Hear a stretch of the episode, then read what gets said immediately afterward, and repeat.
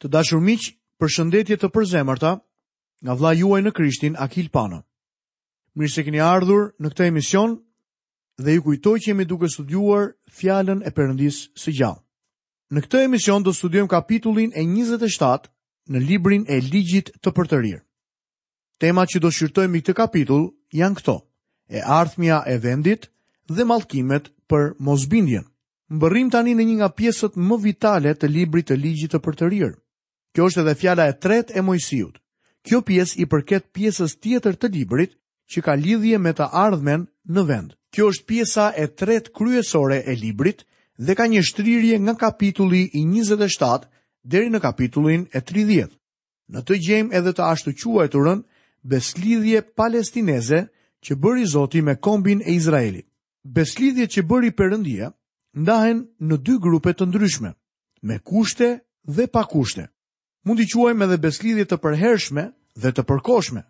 Besëlidhja e përhershme është besëlidhje e vazhdueshme dhe pa kushte. Besëlidhja e përkohshme është një besëlidhje me kushte. Është shumë e rëndësishme të bëhet dallimi midis këtyre të dyjave.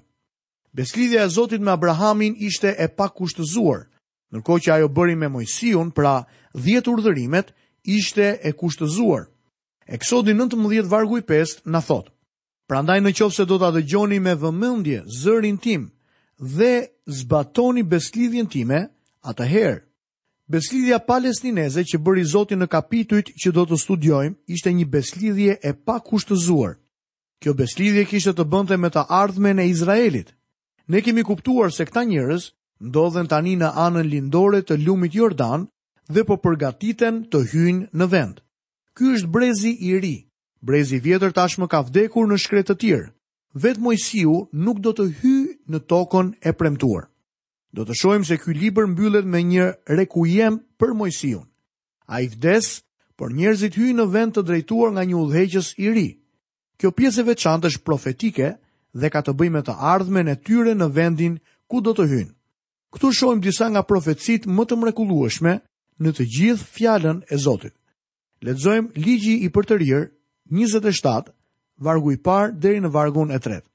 Atëherë Moisiu dhe pleqtë e Izraelit i dhanë popullit këtë urdhër. Respektoni të gjitha urdhërimet që po ju caktoj sot. Ditën që ju do të kapërceni Jordanin për të hyrë në vendin që Zoti Perëndia juaj ju jep, do të ngresh për vete gurë të mëdhenj dhe do t'i lyesh me gëlqere. Pastaj do të shkruash mbi ta tërë fjalët e këtij ligji kur të kapërcesh Jordanin për të hyrë në vendin që Zoti Perëndia yt të jep, një vend ku rrjedh qumësht dhe mjaltë, ashtu siç të ka thënë Zoti, Perëndia i etërve të tu. Zoti u tha që kur të kapërcenin Jordanin, dhjetë urdhërimet duhet të shkruheshin në gurë dhe të ekspozoheshin. Zotërimi i tokës dhe banimi i tyre atje do të përcaktohej nga bindja e tyre ndaj Zotit. Kjo ishte një marrëveshje e kushtëzuar, por toka u ishte dhënë pa asnjë kusht të bashkangjitur. Zoti ia kishte dhënë tokën Izraelit dhe kjo ishte një besëlidhje e pakushtëzuar. Lexojmë poshtë vargjet 4 deri në vargun e 8. Kështu pra kur të kaloni Jordanin, do të ngrini në malin Ebal këta gurë që sot ju urdhëroj, dhe do t'i lyeni me gëlqere. Aty do t'i ngresh edhe një altar Zotit, Perëndisë tënd, një altar gurësh mbi të cilët nuk do të përdorësh vegël hekuri. Do të ndërtosh altarin e Zotit, Perëndisë tënd me gurë të pacënuar dhe mbi të do t'i ofrosh olokauste Zotit, Perëndisë tënd. Do të ofrosh flijime falënderimi dhe aty do të hash dhe do të gëzosh përpara Zotit, Perëndisë tënd, dhe do të shkruash mbi këta gurë tërë fjalët e këtij ligji me gërma shumë të qarta. Ligji i Zotit duhej ekspozuar dukshëm. Në fakt duhet të vendosej përpara tyre kudo që shkonin, madje edhe në shtalkat e dyerve. Lexojmë vargjet 9 deri 12. Pastaj Moisiu dhe priftërinjtë levitë i folën tërë Izraelit duke thënë: Mbaj qetësi dhe dëgjo o Izrael. Sot je bërë populli i Zotit, Perëndisë tënd. Do t'i bindesh pra zërit të Zotit, Perëndisë tënd, dhe do t'i zbatosh në praktikë urdhërimet dhe ligjet që sot të urdhëroj. Po atë ditë Moisiu i dha këtë urdhër popullit duke i thënë: Ja ata do të rrinë në malin Gerizim për të bekuar popullin kur të keni kapërcyer Jordanin, Simeoni, Levi, Juda, Isakari, Jozefi dhe Beniamini. Kur të hynin në tokën e premtuar, bekimet e njerëzve do të shpalleshin nga mali Gerizim. Ai përmend fiset që do të bekonin. Lexojmë vargun e 13. Dhe ja, ata që do të rrinë në malin Ebal për të shqiptuar mallkimin, Rubeni, Gadi, Asheri, Zabuloni, Dani dhe Neftali. Fiset që duhet të shqiptonin mallkimin, duhet të rrinin në malin Ebal. Këto male ishin në zonën ku Jezusi takoi gruan samaritane tek pusi. Ai pus është ende sot atje. Bekimet duhet të shqiptoheshin nga mali Gerizim, ndërsa mallkimet nga mali Ebal. Tani jepet një listë mallkimesh. Pasi ata të futen në vend, qëndrimi i tyre është nën një kusht. Mund të themi se çdo brez është një qiramarrës. Duhet të paguajë një lloj qiraje. Perëndia është pronari i tokës dhe qiraja është bindja që populli i Zotit duhet të tregojë ndaj urdhërimeve të Perëndisë. Në fakt kombi është më shumë se një qiramarrës sepse Perëndia ia dha Izraelit atë tokë si një zotërim të përjetshëm. Gjithsesi, kur një brez nuk i bindej Perëndisë, do të nxirrej jashtë nga vendi. Dhe pse toka mbetej e tyrja si trashëgimi e përjetshme. Kjo është arsyeja pse ajo pjesë prone është vendi më i ndjeshëm mbi sipërfaqen e globit. Shumë njerëz besojnë se mund të plasë një luftë tjetër botërore për shkak të asaj që po ndodh në atë vend dhe sigurisht që kjo mund të jetë e vërtetë. Këtu jepen 12 mallkime dhe unë nuk do të futem në shumë detaje për to, sepse ato janë vetëshpjeguese. Lexojmë nga vargjet 15, 16 dhe më poshtë vargun e 26. Mallkuar qoftë ai njeri që bën një shëmbëlltyrë të gdhendur o prej metali të shkrirë, gjë e neveritshme për Zotin, vepër e duarve të një artizani dhe e vendos në një vend sekret. Dhe tërë populli do të përgjigjet dhe do të thotë, Amen. Kjo ka të bëjë me dy urdhërimet e para.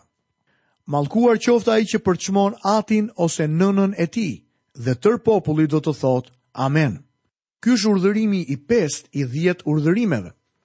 Mallkuar qoftë ai që nuk u përmbahet fjalëve të këtij ligji për t'i zbatuar në praktikë. Tërë populli do të thotë amen. Ndërkohë që lexojmë vargjet e këtij kapitulli, do të kujtohemi se ato kanë të bëjnë me thyerjen e dhjetë urdhërimeve. Të dashur miq, këtu kemi mbërritur në fundin e kapitullit të 27 dhe menjëherë fillojmë studimin tonë në kapitullin e 28 të librit Ligji i Përtërirë. Tema e këtij kapitulli që ne do të shqyrtojmë është historia e parashkruar e Izraelit. Ky kapitull vazhdon pjesën në lidhje me të ardhmen e Izraelit. Mojsiu shpall pjesën e kushtëzuar të besëlidhjes. Izraelitët do të ishin të bekuar vetëm nëse do t'i bindeshin Zotit. Mosbindja e tyre do të sillte mallkime që i shohim këtu. Pastaj kemi një nga pasazhet më të mrekullueshme të shkrimit, që na jep historinë e parashkruar të Izraelit në tokën e premtuar para se të kishin vendosur këmbët mbi të. Jepen tre profeci për heqjen e tyre nga vendi dhe që të tria janë përmbushur. Lexojmë nga kapitulli 28, vargun e parë dhe të dytë. Tani në rast se ti i bindesh me zell zërit të Zotit, Perëndisë tënd, duke pasur kujdes të zbatosh tërë urdhërimet e Tij, që sot unë po të urdhëroj, do të ndodhë që Zoti Perëndia yt do të të lartësojë mbi të gjitha kombet e dheut. Të gjitha këto bekime do të bien mbi ty dhe do të të zënë, në rast se dëgjon zërin e Zotit, Perëndisë tënd. Me fjalë të tjera, në rast se ti i bindesh Zotit me zell, vini re termin në rast se. Kjo është një pjesë e kushtëzuar e besëlidhjes. Ata do të bekohen vetëm me kushtin nëse do t'i binden Zotit. Lexojmë vargjet 3 deri 6. Do të jesh i bekuar në qytete dhe në fshatra. I bekuar do të jetë dhe fryti i barkut tënd, fryti i tokës dhe i bagëtisë sate, pjelljet e lopëve të tua dhe fryti i deleve të tua. Të bekuara do të jenë shporta dhe magja jote. Do të jesh i bekuar kur hyn dhe i bekuar kur del. Ndërkohë që lexoni ndoshta mund të habiteni nga fakti se shqiptohen 12 mallkime dhe vetëm 6 bekime. Nëse doni të dini pse, atëherë do t'ju tregoj se ku t'i gjejmë bekimet e tjera. Zoti ynë qëndroi në mal dhe dha atë që quhet predikimi në mal. Si e filloi Jezusi predikimin e tij në mal? Lum skamësit në frymë, sepse e tyre është mbretëria e qiejve, dhe pastaj të gjitha lumturitë apo bekimet e tjera. Në fakt, përkthimi në shqip lum skamësit në frymë, është vendosur fjala lum në vend që të vendoset fjala të bekuar. Në fakt, sipas përkthimit origjinal, vargu shkon të bekuar janë skamësit në frymë. Dhe predikimi në mal quhet gjithashtu dhe predikimi i bekimeve të Jezusit. Duke filluar kështu mesazhin e tij, Zoti Jezus do t'i bënte izraelitët që të dëgjonin. Ata do të dëgjonin bekimet që do të vinin tek ta pas historisë së tyre të gjatë. Në atë kohë ata e kishin përjetuar robërinë dy herë dhe po shkonin në një robëri tjetër që do t'i shpërndante në të gjithë tokën. nëse do të bindeshin ekzistonte premtimi i bollëkut të bekimeve. Lexojmë vargjet 13 dhe 14. Zoti do të bëjë që të jesh koka dhe jo bishti, dhe do të jesh gjithnjë lart dhe kurrë poshtë. Në rast se u bindesh urdhërimeve të Zotit Perëndisë tënd, që sot të urdhëron t'i respektosh dhe t'i zbatosh në praktikë, kështu nuk do të shmangesh as djathtas, as majtas. në asnjë prej fjalëve që sot ju urdhëroj për të shkuar pas perëndive të tjera dhe për t'u shërbyer atyre. Tani ai kthehet tek mallkimet dhe përmend se ato varen vetëm tek një në rast se. Lexojmë vargun e 15. Por në rast se nuk i bindesh zërit të Zotit, Perëndisë tënd, për të respektuar me kujdes të gjitha urdhërimet dhe të gjitha statutet e tij, që sot të urdhëroj, do të ndodhë që të gjitha këto mallkime do të bien mbi ty dhe do të të gjejnë. Shohim sërish se kjo është e kushtëzuar. Mbërrijmë tani në një pasazh të mrekullueshëm të shkrimit. Është historia e parashkruar e Izraelit në tokën e premtuar. Shkrimet profetizuan se Izraeli do të hiqej nga toka tre herë dhe do të mblidhej sërish në të. Do të kishte tre largime dhe tre rimbledhje të Izraelit. E para iu profetizua Abrahamit nga Perëndia. Zanafilla 15, vargu i 13 dhe vargu i 16. Dije me siguri që pasardhësit e tu do të qëndrojnë si të huaj në një vend që nuk do të jetë i tyre dhe do të jenë skllevër dhe njerëz të shtypur për 400 vjet. Por në brezin e katërt, ata do të kthehen këtu. Ata shkuan në Egjipt për katërqind e tridhjetë vjet, pastaj Perëndia i nxori nga Egjipti, pikërisht këtë po studiojmë në këtë libër. Ata ndodhen në anën lindore të lumit Jordan dhe Perëndia po i sjell në tokën e premtuar për rimbledhjen e parë. Në librin e Jozueut do t'i shohim duke hyrë, ndërkohë që në librin e Gjykatësve do t'i shohim të vendosur në tokën e premtuar, gjë që do të thotë që është një përmbushje e plotë. Para se të hyjnë në tokë për herë të dytë, duhet të largohen nga vendi dhe kjo gjë është përmendur këtu. Ky është një kapitull i mrekullueshëm. Lexojmë vargjet 32 deri 34. Bijtë e tu dhe bijat e tua do t'i jepen një populli tjetër. Sytë e tu do të shikojnë dhe do të përgjërohen tërë ditën nga dëshira për t'i parë, dhe dora jote do të jetë pa fuqi. Një popull që nuk e ke njohur do të hajë frutin e tokës sate dhe të gjithë mundit tënd dhe patjetër do të jesh i shtypur dhe i dërrmuar vazhdimisht. Do të çmendesh para pamjes që do të shohin sytë e tu. Ky varg u përmbush saktësisht në mbretin e fundit të Judës, Zedekian, bijtë e të cilit u therën përpara tij. Pastaj i nxorën sytë, i verbër dhe i pashpresë u çua në në robërin babilonase. Lexojmë vargjet 35 deri 37. Zoti do të të godasë në gjunjët dhe në kofshët me një ulcer të keqe, nga e cila nuk do të mund të shërohesh nga tabani i këmbëve deri në majë të kokës. Zoti do të të çojë ty dhe mbretin tënd që e ke vënë mbi ty në një komb që as ti as etërit e tu nuk e keni njohur dhe atje do t'u shërbeni perëndive të tjera prej druri dhe prej guri. dhe do të bëhesh objekt habie, proverbi dhe talljeje në mes të tërë popujve, pranë të të cilëve do të të çojë Zoti. Kjo ishte robëria babilonase që tashmë është vetëm një çështje historie. Ne kemi fakte. Do të mësojmë për to më vonë në studimin ton kur të lexojmë më shumë profeci dhe do t'i shohim të ndodhin tek libri i mbretërve dhe kronikave. Pse u ndodhi e gjitha kjo? Për shkak të mosbindjes, Perëndia u dha disa urdhërime të kushtëzuara dhe dëgjojmë të përmendet shpesh herë në këto urdhërime termi në rast se. Zoti tha në rast se do të bindesh, do të jesh i bekuar. Në rast se nuk do të bindesh, do të nxirresh jashtë nga toka. Lexojmë vargun 48. Do t'u shërbesh armiqve të tu që Zoti do të dërgojë kundër teje në një gjendje urie, etje, lakuriqësie dhe mungese të çdo gjëje, dhe ai do të vërë një zgjedhë të hekurt rreth qafës sate derisa të të shkatërrojë. Në studimin tim kam pasur dy volume të historisë së Flavius Josephus, në të cilat tregon për ardhjen e romakëve nën Titin. Roma e njohur si mbretëria e hekurt përmbushi profecinë, ai do të vërë një zgjedhë të hekurt rreth qafës sate. Lexojmë vargun e 49. Zoti do të sjellë kundër teje nga larg, nga skajet e dheut një komb të shpejt, si shqiponja që fluturon, një komb gjuhën e të cilit nuk do ta kuptosh. Roma, që vinte nga perëndimi, fliste një gjuhë krejt ndryshe nga hebraishtja. Anglishtja është e bazuar në latinishten dhe gjuhët europiane, por hebraishtja është një gjuhë e lidhur me gjuhët aziatike, afrikane dhe orientale. Ajo është krejt ndryshe. Perëndia tha se pushtuesit do të ishin njerëz gjuha e të cilëve do të ishte e pakuptimtë. Është interesant fakti që Roma kishte flamuj që mbanin emblemën e shqiponjës.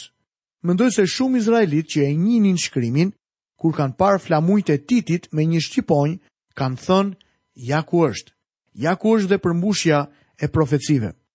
Lexojmë vargjet 50 deri në vargun e 53. Një komb me një pamje të egër që nuk do të respektojë plakun dhe nuk do të ketë mëshirë për të voglin, dhe do të hajë frutin e bagëtisë sate dhe prodhimin e tokës sate, derisa të shkatërrohesh dhe nuk do të lërë as grurë, as musht, as vaj, as pjelljet e lopëve të tua, as pjelljet e deleve të tua, derisa të të ketë shkatërruar. Dhe do të rrethojë në të gjitha qytetet e tua, derisa të rrëzohen në të gjithë vendin, muret e larta dhe të fortifikuara në të cilat kishte besim. Do të të rrethojë në të gjitha qytetet e tua, në të gjithë vendin që Zoti Perëndia yt të ka dhënë. Përveç kësaj, gjatë rrëmbimit dhe në fatkeqësinë në të cilën do të të katandisë armiku yt, do të hash frutin e barkut tënd, mishin e bijve dhe të bijave të tua që Zoti Perëndia yt të ka dhënë. Historiani Jozefus tregon në historinë e tij se si nënat detyroheshin të dorëzonin bebet e tyre që më pas haheshin. Njerëzit vdisnin dhe trupat e tyre mblidheshin brenda qytetit. Ata duhet t'i hidhnin jashtë mureve. Mund t'ju them se kjo profeci u përmbush fjalë për fjalë. Tani judenjtë janë të përhapur në të gjithë botën. Lexojmë vargun e 64. Zoti do të të shpërndajë midis tërë popujve nga njëri skaj i tokës në tjetrin, dhe atje do t'u shërbesh perëndive të tjera, që as ti, as etërit e tu nuk i keni njohur kurrë, perëndi prej druri dhe prej guri. Që prej asaj shpërndarjeje, ata nuk janë kthyer më. Profecia e kthimit të tyre nuk është përmbushur akoma. Jepen tre profeci shpërngulje, jepen edhe tre profeci të tjera që ata do të kthehen. Ata janë kthyer dy herë. Hera e tretë nuk ka ndodhur ende. Kështu pra kemi gjashtë profeci. Pesë prej tyre janë përmbushur fjalë për fjalë. Çfarë mendoni për të gjashtën? Mund t'ju them se çfarë mendoj për të. Mendoj se do të përmbushet plotësisht. Ajo do të ndodhë në të ardhmen. Lexojmë nga vargjet gjashtëdhjetë e pesë deri në vargun e gjashtëdhjetë e shtatë. Dhe midis atyre kombeve nuk do të gjesh prehje dhe vend ku të pushojnë tabanët e këmbëve të tua. Aty Zoti do të të japë një zemër të drithëruar, sy përgjërues dhe ankth në shpirt. Jeta jote do të qëndrojë përpara pezull në pasiguri. Do të dridhesh natën dhe ditën dhe nuk do të kesh asnjë siguri për qenien tënde. Në mëngjes do të thuash, ah të ishte mbrëmje, dhe në mbrëmje do të thuash, ah të ishte mëngjes, për shkak të llahtarës që do të mbushë zemrën tënde dhe të pamjes që do të shohin sytë e tu. E gjitha kjo është përmbushur plotësisht në persekutimin e hebrenjve përgjatë shekujve. Kjo ishte një nga pasojat e mosbindjes së tyre të vazhdueshme. Ata nuk gjejnë dot prehje dhe e kanë zemrën të drithëruar. Në mëngjes do të donin të ishte mbrëmje dhe në mbrëmje mëngjes. Sa e trishtueshme. Perëndia është besnik ndaj fjalës së tij. Çfarë mësimi i mrekullueshëm për jetët tona. Kjo duhet të na nxisë ta përhapim ungjillin tek ata njerëz që janë larguar prej tokës së premtuar. Ungjilli i Jezu Krishtit është i njëjtë si për judenjtë, ashtu edhe për paganët dhe është për bindje në besim midis të gjithë kombeve. Të dashur miq, këtu kemi mbërritur në fundin e emisionit të sotëm. Nga vëllai juaj në Krishtin Akil Pano, paçi të gjitha bekimet, hirin dhe paqen e Zotit në jetën tuaj me bollëk. Bashkë mirudëgjofshim në emisionin e ardhshëm.